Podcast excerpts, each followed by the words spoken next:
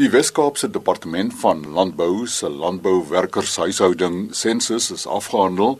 Daarom klop ons vanoggend aan by Tony Kaba, hoofdirekteur landelike ontwikkeling en direkteur plaaswerkerontwikkeling Dani Niemand om antwoorde te kry op die wie, wat, waar, waarom vrae.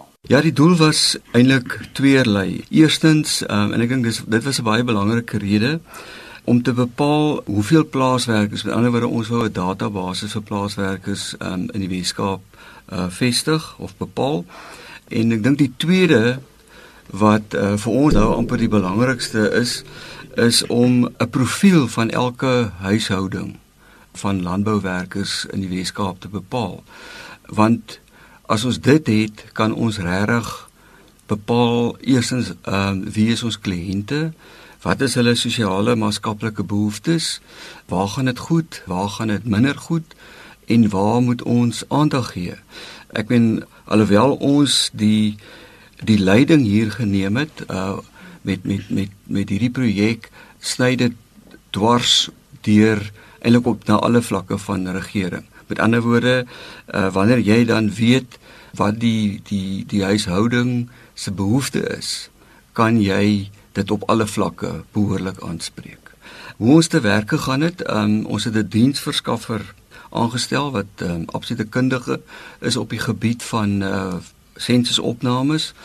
En ons het eintlik al reeds in in 2011 met klein loodsprojektjies uh in Oeverberg spesifiek oor 'n uh, strand en Teewaterskloof begin want uh hierdie tipe van opnames is geweldig duur. Ehm um, en ons het 'n ons het regtig 'n klein begroting gehad.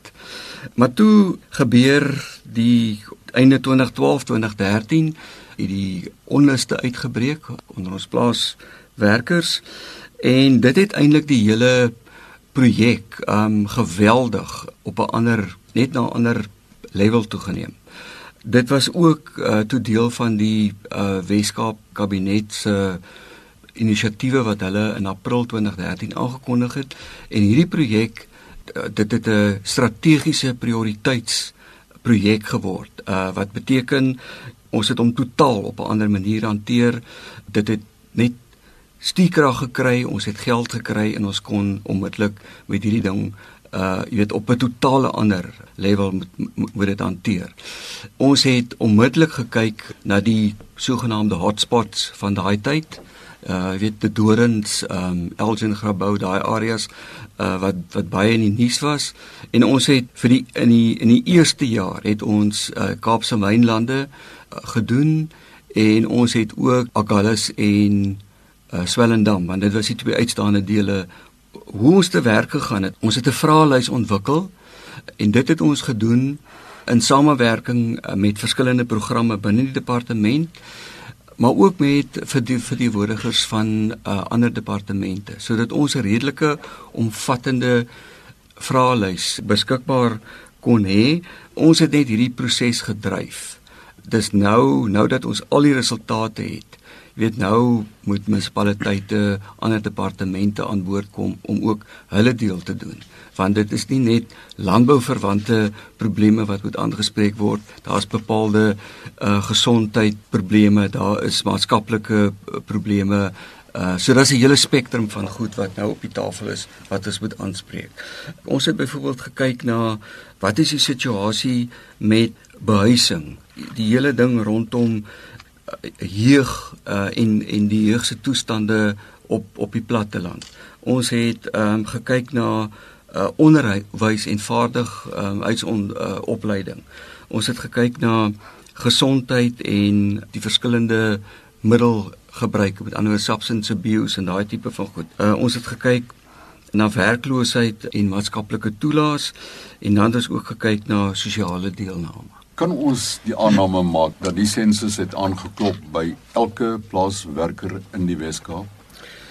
Ek wil eerstens sê dat hierdie hierdie was nie 'n steekproef nie, met ander woorde 'n sampel nie. Uh dis hoekom dit hoekom ons dit 'n sensus noem. Ons het regtig probeer om by soveel as moontlik uh plase uit te kom. Uh ons het in totaal so by die 3000 plaas het het ons besoek wat ek dink redelik goed is. As 'n ou vat daar's omtrent so 6000 kommersiële plase in die Weskaap. En ons het ehm um, so amper 50 50000 uh plaaswerkers uh besoek. En die die aantal huishoudings wat ons besoek het is net oor die 11000 wat so tussen 50 en en 52% jy weet van die werklike syfers is, um, dan dink ek het ons redelik goed gedoen. Dan nee, het julle ook by kleinboere aangeklop. Ons het by kleinboere en dan dan by kommersiële boere.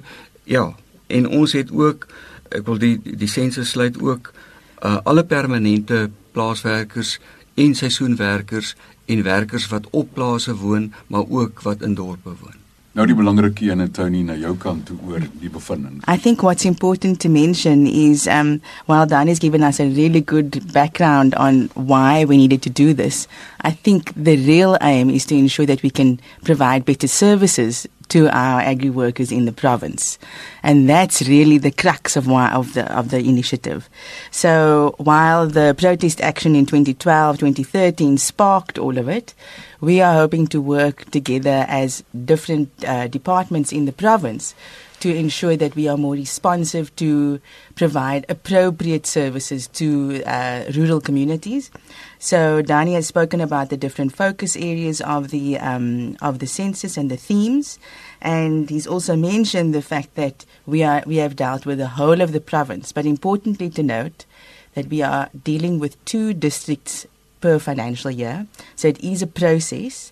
But the main findings and the most interesting findings that we've um, come up with through the census is really around unemployment and it is around education levels. So for us, focusing on rural youths in the coming years will be uh, very important. So um, the key findings in terms of unemployment, very interestingly, we are seeing an indication that 34% of people will be leaving the agricultural sector and uh, will be entering entering the job market in the agricultural sector or the rural sort of job market. Whereas uh, just over 12% will be exiting because they are either retiring or what, whatever the, the reason might be. What that means is we will have a, a massive gap in terms of people that are looking for work and people that are, are unemployed so, what does this mean for us uh, as government, as the private sector? It really means that we need to be looking at diversification, probably of um, of job opportunities. We will need to look at job opportunities along the value chain and not only primary uh, production. I think, along with that, when we reflect on the fact that we are facing the fourth industrial revolution, uh, what does the technological advances mean for us when we think about education levels. And speaking about education levels, we've looked at matric, people who have matric in these areas based on the census findings. We're only at 8.5%. That is shocking.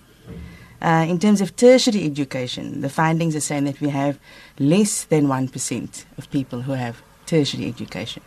So, if we are going to be facing a future that requires more technical skills, right, to deal with um, with those advances that will take us into into a new you know more advanced uh, way of producing food then we really need to address education as a as a major issue.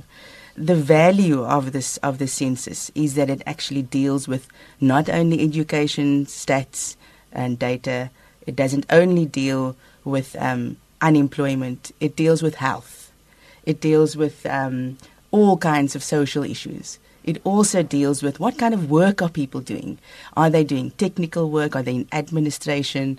What exactly are they doing? What are their skills levels? Yes. So we are able to really delve down and drill into the data from a district level down to a ward level, right into the local municipal space on a farm level. So we are able to tell you, for instance, uh, or the Department of Health, that there might be people in a specific area on these farms that require eye testing.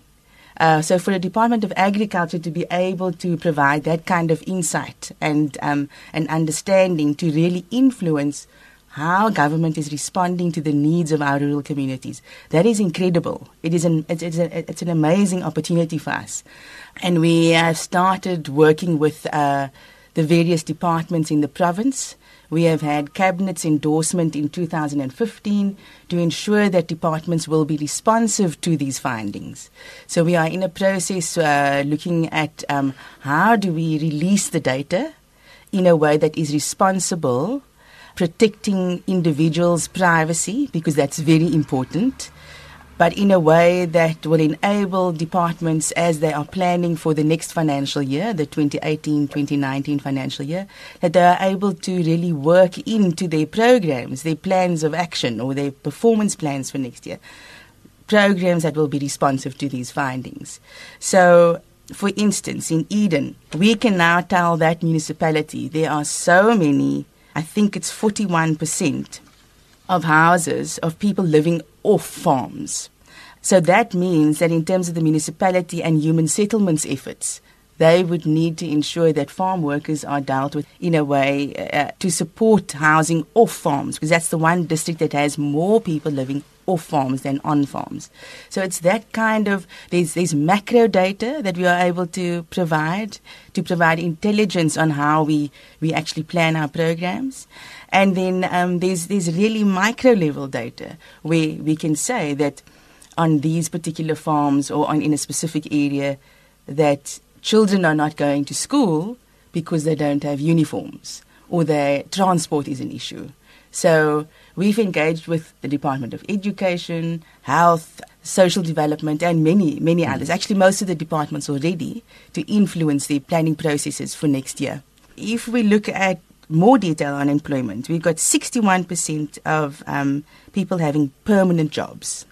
Then 19% unemployed, 20% temporary and seasonal workers. Baie dankie Tony Kaba en Dani Niemand, onderskeidelik hoofdirekteur landelike ontwikkeling en direkteur plaaswerkerontwikkeling in die Wes-Kaapse Departement van Landbou. Navraag oor hierdie landbouwerkershuishouding sensus kan gerig word aan Dani Niemand. Sy telefoonnommer 021 808 7601 021 0800807601 of e-pos dani@elsenburg.com dani@elsenburg.com geniet die naweek